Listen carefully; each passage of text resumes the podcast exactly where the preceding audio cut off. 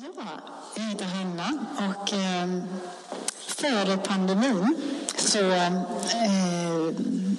jag har en kompis, han heter Rickard. Före pandemin så var han med i en grupp eh, kristna som träffades varje vecka och bad. Och sen så gick de ut i Nordstan för att eh, gå dit Gud ledde dem och eh, be för människor och, och berätta för människor om Jesus. De gör det säkert fortfarande. Jag har bara inte pratat med honom sedan dess. Ehm, är det för högt eller är det bra så? Det är bra. Ja. Ehm, och en av de här gångerna när de träffades innan och bad så fick han två intryck som vi kan känna när Gud liksom talar till oss. Så får man en, en inre bild eller en, en tanke inom sig som man känner att det här är från Gud. Och det var Systembolaget och grillukt Eh, så när de kom till Nordstan så letade de upp Systembolaget. Och då så kände de grillukt, för det fanns en snabbmatsrestaurang bredvid. Då tänkte de, ja ah, men det här Gud vill att vi ska vara. Och när de stod där så kom det två afghanska killar.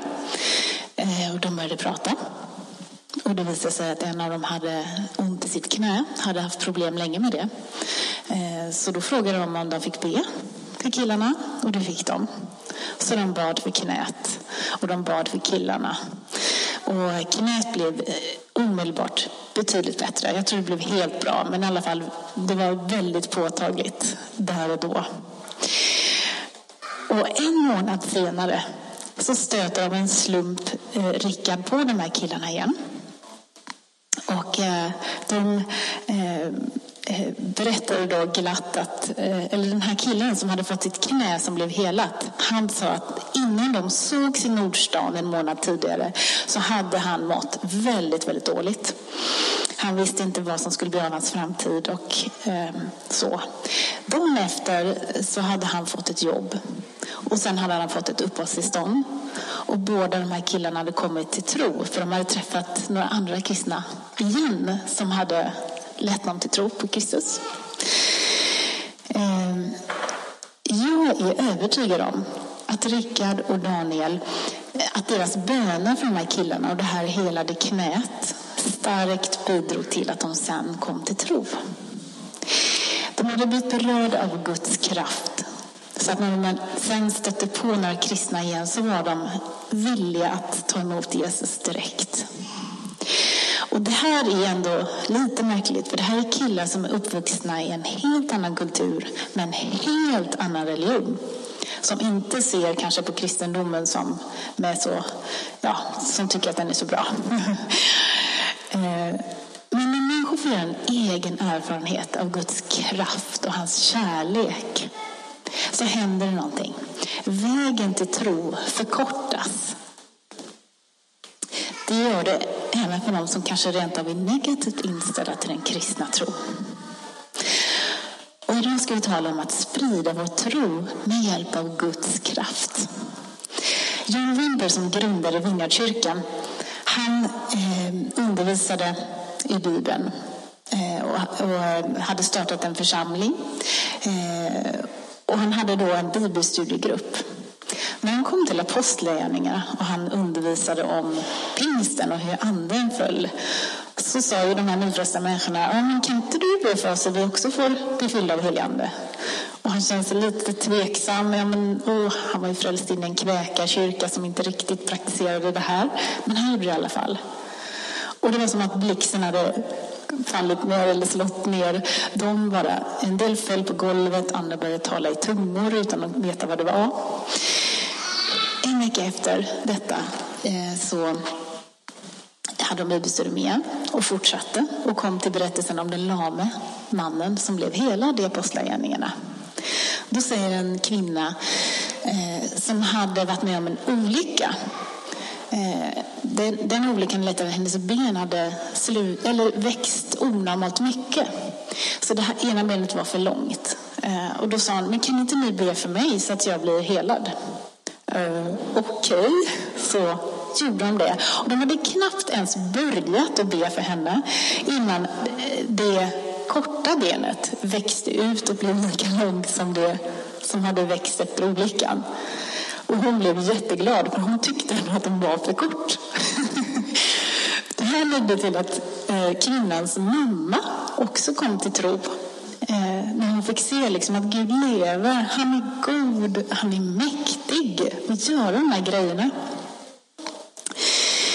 Eh, när Jan senare på kvällen, eh, John alltså, stod och drack mjölk hemma i köket och pratade med sin fru Carol och liksom försökte komma underfund med vad är det som händer här.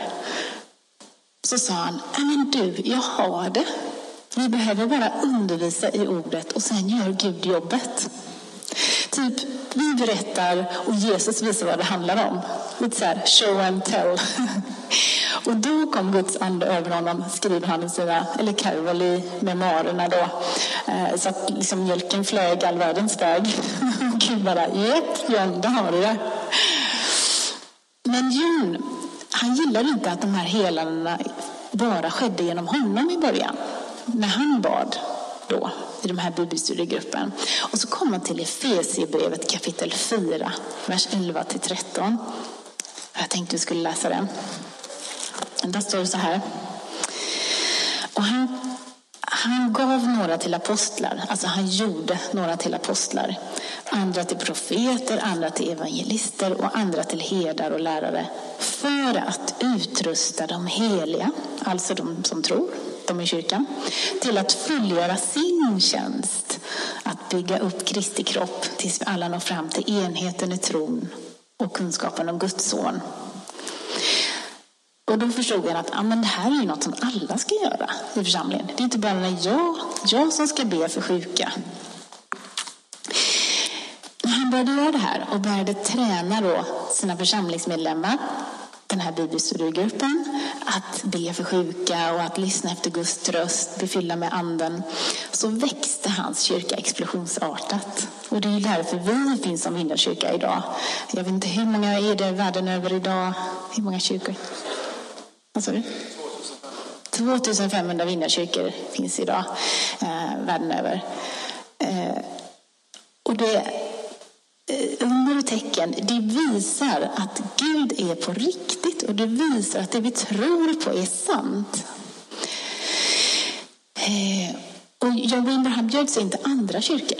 Han bjöds in till anglikanska kyrkan i Storbritannien och så började undervisa om anden och andens kraft och att vi alla kan göra det här. Och den kyrkan växte explosionsartat och jättemånga nya människor kom till tro.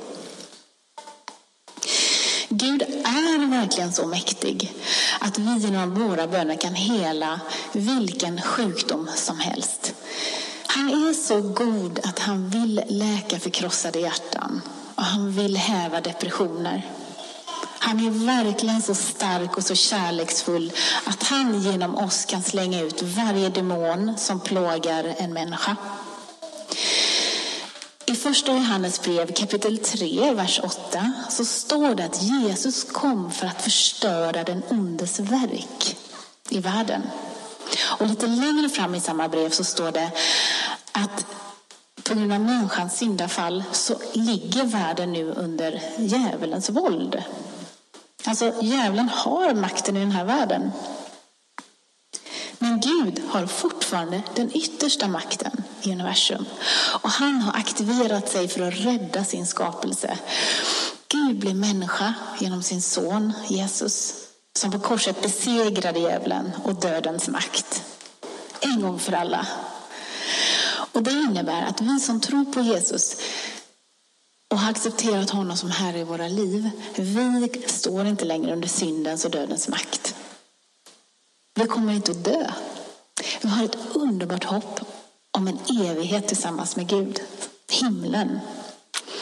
Och när Jesus kommer tillbaka och återupprättar sitt rike, så som han hade tänkt från början, då kommer vi få uppleva himlen fullt ut. Men fram till dess så lever vi i en både och tillvaro, vi som tror.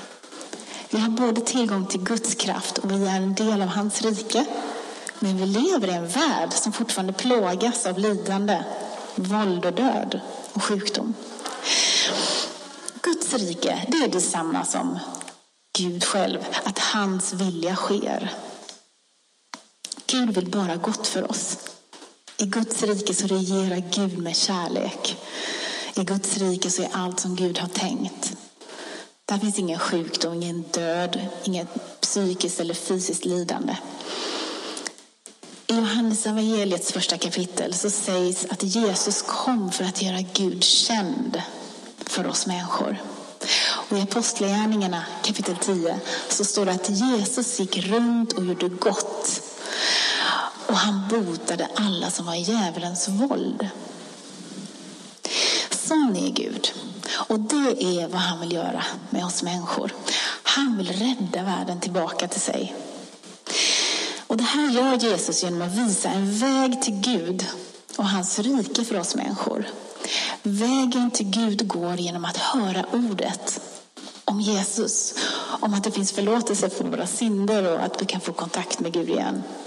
Och att med under och tecken visa hur Gud är och på hans makt. Att ge en försmak av hans kommande rike, himlen. Så Guds kärlek det är inget abstrakt begrepp. Det är Guds aktiva handlande bland oss, idag. Därför kan vi liksom aldrig riktigt förstå Guds kärlek och vem han är rent intellektuellt bara. Utan vi måste faktiskt få en erfarenhet av att Gud rör vid oss. Att han kommer in i våra hjärtan. Att han läker oss. Att han på påtagliga sätt hjälper oss i våra liv. Det faktum att Jesus har gjort att Guds rike har kommit, brutit in i den här världen redan nu, men ännu inte fullt ut.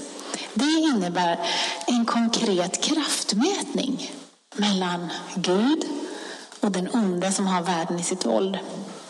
Det är två riken som kolliderar. Men Guds makt tyglar Jesus eh, onda krafter som verkar i det i naturen. Till exempel han stillade stormen.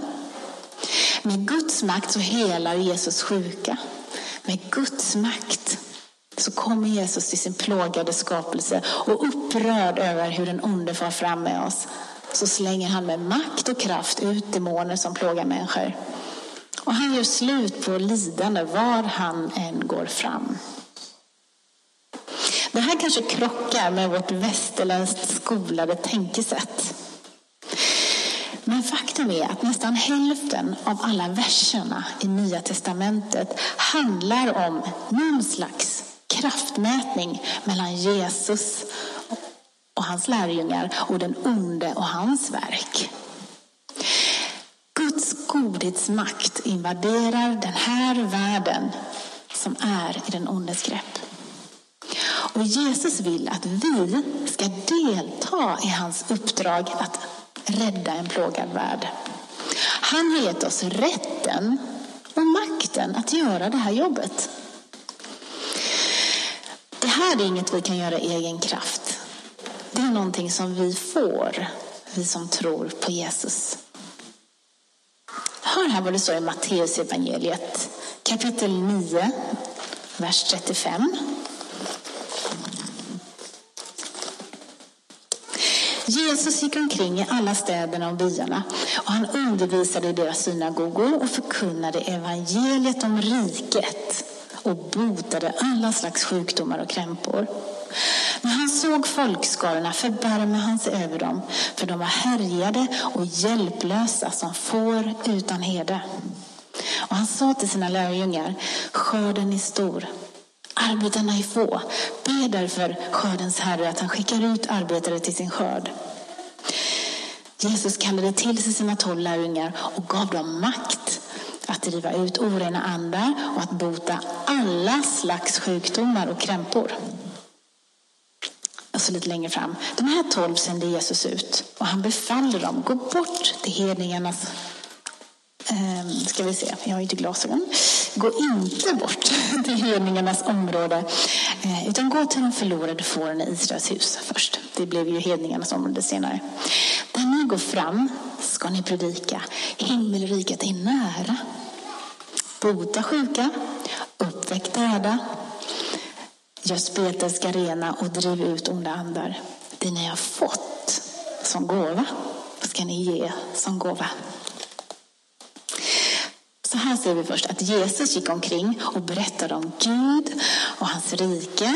Och så samtidigt demonstrerade han vad Guds rike innebär genom att bota sjuka. Och sen säger han till lärjungen att skörden är stor om att det behövs många arbetare. Och så ger han lärjungarna makt att driva ut demoner och bota sjuka. Och han befaller dem att predika om Guds rike. Han säger alltså åt dem att göra samma jobb som han. Ja, ja, kanske du tänker, men här var ju de tolv lärjungarna. Det är liksom, jag bor i Göteborg här idag. Eh, men det gäller oss också i Göteborg här idag. För i missionsbefallningen som riktar sig till alla troende i alla tider så säger Jesus i Markus evangeliet kapitel 16. Då kan vi se mer. Så säger han så här. Och han sa till dem, gå ut i hela världen och förkunna evangeliet för hela skapelsen, alltså Guds ord. Den som tror och blir döpt ska bli frälst. Men den som inte tror ska bli fördömd. De här tecknen ska följa dem som tror. I mitt namn ska de driva ut onda andar, tala nya tungomål. De ska ta ormen i händerna och dricker de naturligt gift ska det inte skada dem. De ska lägga händerna på sjuka och de ska bli friska. Ordet och gärningarna. I Apostlagärningarna kapitel 1 så säger Jesus när den heliga ande kommer ska ni få kraft och bli mina vittnen i Jerusalem och hela Judeen och Samarien och ut över världen. Så alla vi som tror har fått auktoritet. Det här betyder att vi har fått rätt att använda oss av Guds makt. Vi har fått den rätten, vi har fått den makten. Och det här får vi genom den helige Ande. Vi har fått den här möjligheten att berätta om Jesus och samtidigt visa människor på Guds kraft. Genom att be för sjuka eller sätta människor fria. Vi har förmåga att höra Guds röst när vi får en helig ande. Och vi kan ge människor ord från Gud som vi stöter på i vår vardag. Det brukar man kalla för kunskapens ord ibland. Man vet något plötsligt om någon som man inte egentligen kan veta. För det är ju någon som man inte känner. Och då inser de att det finns en Gud som ser mig, som bryr sig om mig. Som kan göra något åt min situation. När John Wimber en gång flög från Chicago till New York så ehm, lät han blicken vandra som man gör när man sitter där i flygkabinen. Och mittemot den här gången så sitter en, eh, såg ut att vara en medelålders affärsman. Och när John tittar på honom så ser han ordet otrohet stå skrivet över hans ansikte. John Wimby förstod att det här var ju liksom Gud som visade honom någonting. Men han bara stirrade på den här mannen. Och mannen blev ju liksom lite irriterad och bara, vad stirrar du på? Eh, John tog mod till sig och sa lite försiktigt till honom, eh, eller samtidigt då när mannen frågar här så får John ett namn från Gud då. Vi säger att det är Jane, det var inte det, men vi säger så. Och då så säger John, eh, säger namnet Jane dig någonting? Vi måste prata, säger den här gubben och drar med sig John Wimber upp till flygplansbaren som var på andra våningen. Och där uppe så säger han, vem har sagt eh, det här namnet till dig? Var har du fått det ifrån? Hur vet du det? Eh, Gud, säger John. Och eh, så drog han efter andra John och sa, och Gud har också sagt att om du omvänder dig från din otrohet så kommer Gud att ta ditt liv. Mannen blir alldeles paff. Vad måste jag göra, säger han. Och John fick förklara att han behövde be Gud om förlåtelse. Han behövde omvända sig. Han behövde ta emot Jesus i sitt liv. Och det gjorde mannen. Han omvände sig så innerligt och så högljutt så att flygvärdinnorna grät i baren där uppe och bara åh. Och eh, sen så säger mannen då efter att han har tagit emot Jesus att eh, anledningen till att jag drog upp dig här på andra våningen är att min fru sitter där nere bredvid mig. Och då säger John, du måste gå ner och prata med henne. Så det gör mannen. Och innan planet har landat i New York så har han lett sin fru till tro på Jesus också. Och jag blir så rörd. Och eh, ger dem sin bibel och eh, önskar dem lycka till i sitt nya liv med Jesus. Och såklart fick de med bearbeta otroheten, men de har ju helt andra möjligheter när Jesus fanns i deras liv. Till försoning, förlåtelse och läkedom. Det finns inget som så snabbt övertygar en människa om Guds godhet och hans kraft som när vi ber för sjuka eller vi ger ett ord från Gud till någon. När det händer någonting konkret, påtagligt i människors liv. Det finns ingen evangelisation som är mer effektiv. När människor förstår att Gud ser dem och älskar dem på riktigt. Jesus är vår förebild för hur vi ska leva våra liv. Och han gick omkring och med hjälp av Guds ande, för han var ju en människa, med hjälp av Guds ande så betjänade han människor så att de skulle komma till tro. Och Jesus tränade lärjungarna att göra samma saker. Han lärde dem vad Guds rike handlade om genom att undervisa om vad skriften har sagt, alltså Bibeln. Och så uppmanade de honom att imitera honom. Tror inte du att Gud är lika intresserad och älskar människor lika mycket här i Göteborg idag som när Jesus och lärjungarna knallade runt i Israel? Gud älskar inte människor mindre i Göteborg. Och för några år sedan så eh, höll jag ett bibelstudium. Jag skulle eh, tala om hur Gud helar. Det hade då, jag har ju varit i Grekland och där fick jag se Gud göra eh, under. Men det hade gått några år sedan dess. Och så hade jag kommit hem till Sverige igen. Och så hade jag på något sätt börjat tappa det här medvetenheten om att jag har en mäktig Gud som går med mig i min vardag. Ehm, jag har liksom bara börjat falla tillbaka i det här kristna tänkandet att det här händer nog inte idag, som vi har här, liksom, där vi har det rätt så bra. Men nu skulle alltså undervisa om att Gud gör under och tecken. Och jag inser när jag kör bil till bibelstudiet att, eh, vänta nu, jag kan inte bara undervisa om det här utan att praktisera det. Så jag bara, Gud, liksom, jag vet inte hur fort jag körde där eller hur det blev med hastigheten. Men jag liksom bara, du måste hjälpa mig. Ge mig kunskapsord, bad jag. Och så fick jag två intryck. De var inte så superstarka, ni vet, anden slog ner i bilen så, utan jag bara fick två så här lite, mm, ja. Och det var att någon hade problem med rygg och det var att eh, någon hade problem med ett knä. Så jag höll mitt bibelstudium om helande och så, så sen så, så, sa jag som det var. När jag körde bil hit så frågade jag Gud om han eh, ville göra något idag. Och eh, jag tror att han sa att någon har problem med sin rygg och någon har problem med sitt knä. Eh, är det någon som har det? Och så räckte två stycken upp händerna. Och då tänkte jag, okej, okay, vad gör jag nu? Eh, ni som står kring dem, som är där, ni kan väl be för dem. Så det gjorde alla då, glada och vågen. Eh, delade upp sig och bad för de här två personerna. Och kvinnan som hade ont i ryggen, hon sa direkt att hon kände att det började värma och att hon blev bättre, att verken försvann. Nästan, inte helt men nästan. Eh, killen med knät, han sa inte mycket. Han är en flykting. Eh, han väntade på uppehållstillstånd. Eh, han mådde inte särskilt bra.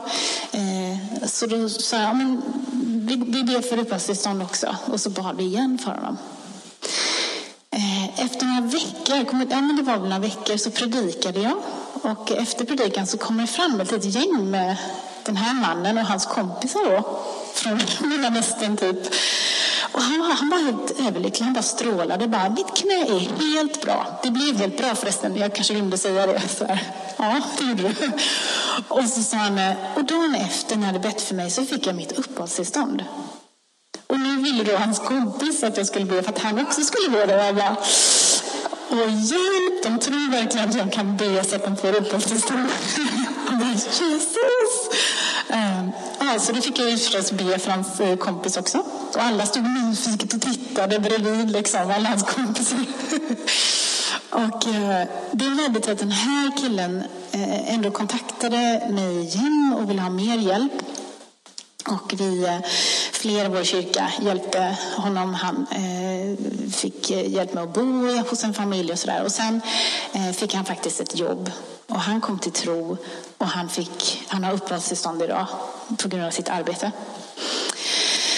Eh, så att jag bara tänkte liksom att på väg hem från det här bibelstudiet undrade jag, gjorde jag rätt? Och det bara visar liksom hur trofast Gud är och hur det här är inget vi kan göra i vår egen kraft. Det är liksom inte det. Och det kommer aldrig vara det. Ehm, det är meningen att vi ska predika Guds ord och samtidigt visa människor på hans kraft. Det är vad som står i den här boken. Och det här är ganska häftigt för när jag förberedde den här predikan så upptäcker jag liksom i apostlagärningarna att det är precis det här den första församlingen ber om. Jag tänkte vi skulle läsa det från Apostlagärningarna kapitel 4. Eh, vers 23 läser jag från. Det är så att Petrus och Johannes, de har blivit förhörda i rådet för de har helat en man och de har predikat och så säger eh, de här judarna då, det här får ni inte syssla med. Eh, och så hotar de dem. Och när de blir släppta då, de har varit fängslade något dygn tror jag, så står det så här, när de blir frisläppta, vad gjorde de då? Stack de och gömde sig eller liksom sprang de hem och kollade på Netflix? Eller nej, när de blev frisläppta så gick de till sina egna. De gick till sina kristna syskon och berättade allt vad översteprästerna och de äldsta hade sagt till dem. När de hörde det så ropade de tillsammans till Gud.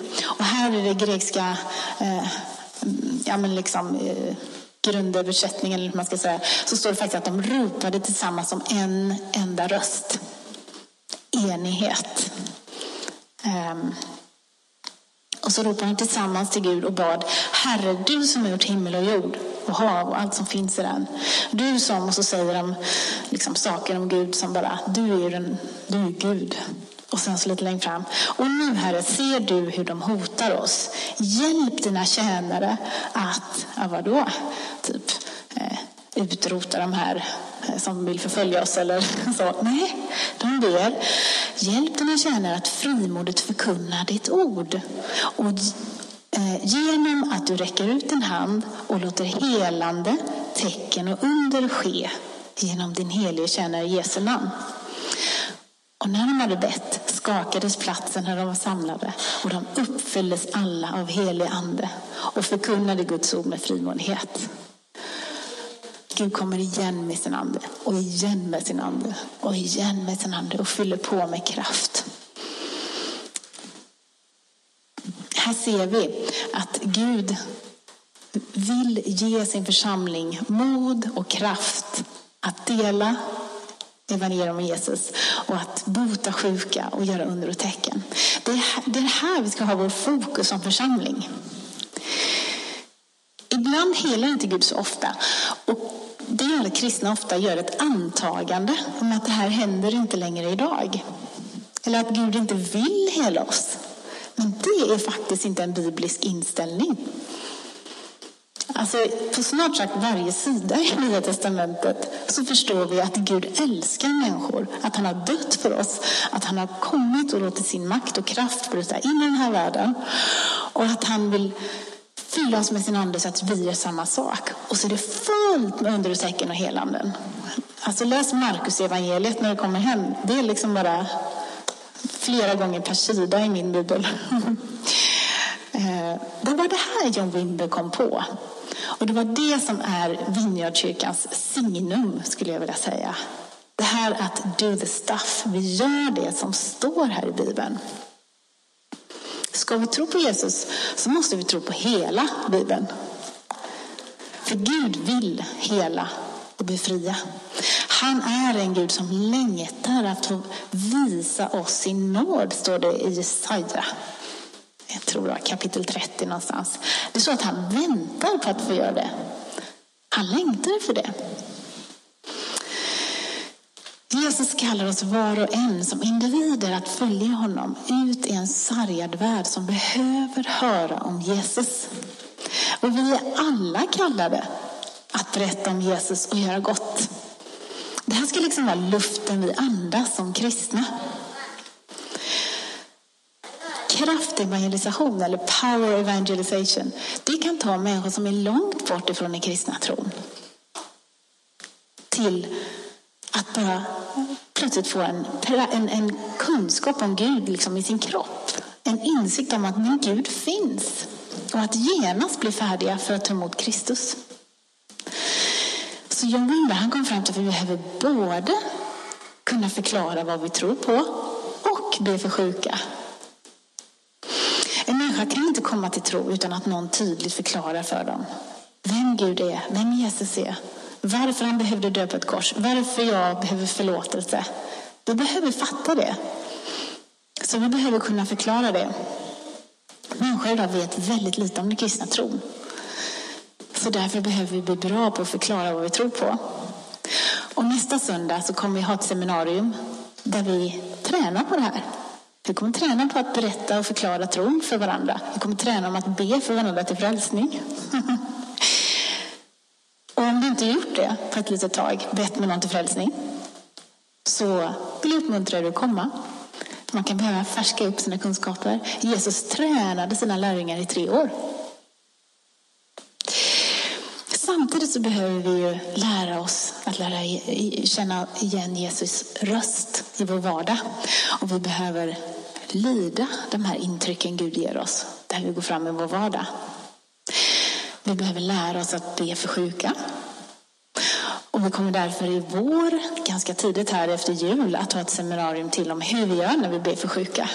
Som vi, där du kommer få träna. Har du med dig en sjuk kompis så ta med dem också, såklart.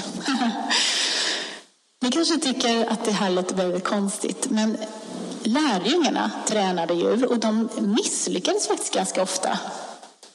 De, eh, jag menar, Petrus sjönk när han skulle testa Guds makt över naturens krafter. Och eh, lärjungarna klarade inte av att driva ut en demon från en pojke en gång. Och så misslyckades de och så fick Jesus förklara och så fick de träna och försöka igen. Och det är okej, okay. vi behöver också göra det. Vi kommer också uppleva att det inte händer något och det misslyckas. Men vi kommer också få uppleva att ju mer vi gör det, desto mer skärpa får vi. Desto lättare får vi känna igen Guds röst. Om vi tar, för ett kunskapens ord och vi delar det med någon på ett café och den personen bara, what? Hur kunde du veta det här? Vem är du? Så kommer vi se, ah, det var Guds röst. Så låter den, så känns det. Och så blir vi bättre och skarpare på detta. Så vi behöver träna. För det oroväckande med under och tecken, det är ju att vi verkligen inte klarar det egentligen. Vi måste ha hjälp av Gud. Vi måste ha hjälp av Jesus kraft. Så vi behöver lära känna honom som har kraften. Vi behöver förstå vem han är och hur han är. Att det här är hans vilja och hans längtan att få göra. Vi behöver förstå vilken otrolig makt han har anförtrott oss. Vilken kraft vi har, vi som tror på honom. Och vilken rätt vi har att få använda oss av den här kraften. Och mycket av det här börjar vi faktiskt greppa när vi börjar försöka göra det. När det händer. Så vänta inte, utan börja pröva. Var öppen för Guds ledning, för han vill göra fantastiska grejer där vi går fram i vår vardag. Och börjar vi praktisera det här så kommer människor att komma till tro. Församlingen kommer att växa. Då kommer glädjen och spänningen in och livet in i våra kristna liv. Ska vi be?